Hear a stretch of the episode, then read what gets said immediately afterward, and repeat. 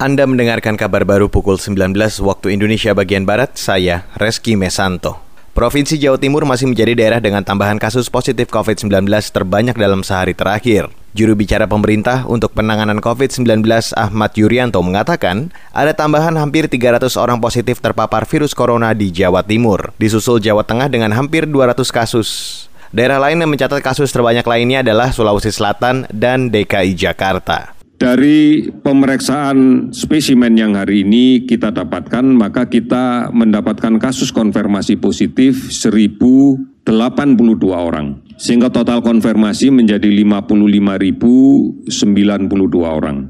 Juru bicara pemerintah untuk penanganan COVID-19 Ahmad Yuryanto menambahkan, dari total 55 ribu kasus positif COVID-19, sebanyak 28 ribu orang masih dirawat, 23 ribu orang sembuh, dan 2.800 orang meninggal. Jumlah orang dalam pemantauan dan pengawasan juga bertambah menjadi total 54 ribu orang. Sementara itu, Saudara Ikatan Dokter Indonesia atau IDI meminta pemerintah Provinsi Jawa Timur tidak terburu-buru menerapkan status kenormalan baru atau adaptasi kebiasaan baru di masa pandemi COVID-19.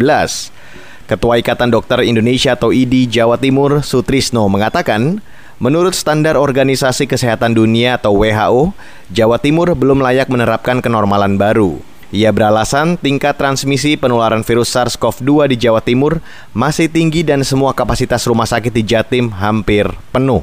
Seorang ilmuwan yang sebagai yang mengerti ilmunya tentu untuk namanya new normal itu kan belum memenuhi standar sebelumnya.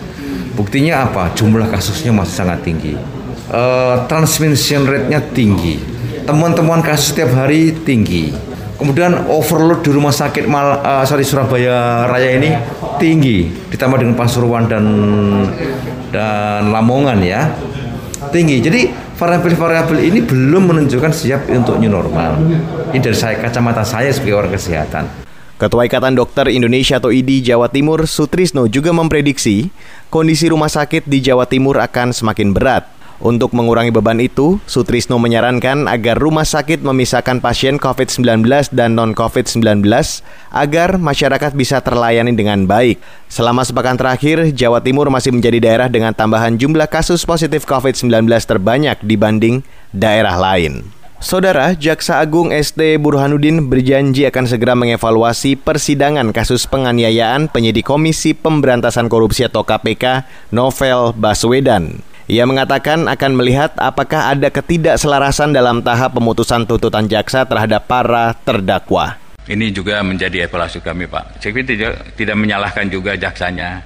Dan biasanya jaksa. Jaksa ini menuntut berdasarkan fakta di persidangan. Nah nanti akan kami evaluasi juga kenapa jaksa sampai menuntut demikian. Karena itu tidak sampai saya penuntutannya, tapi akan saya minta nanti evaluasi lagi. Kenapa? Karena berdasarkan ini jaksa ini menuntut adanya berdasarkan fakta-fakta yang diketemukan di persidangan. Dan kami juga nanti akan uh, balanskan dengan putusan pengadilannya. Kalau nanti jomplang berarti ada sesuatu di situ. Janji Jaksa Agung ST Burhanuddin itu disampaikan usai mendapat pertanyaan dari anggota Komisi Hukum DPR Taufik Basari dalam rapat kerja DPR. Taufik mempertanyakan rendahnya tuntutan jaksa terhadap dua terdakwa pelaku penyerang novel Baswedan.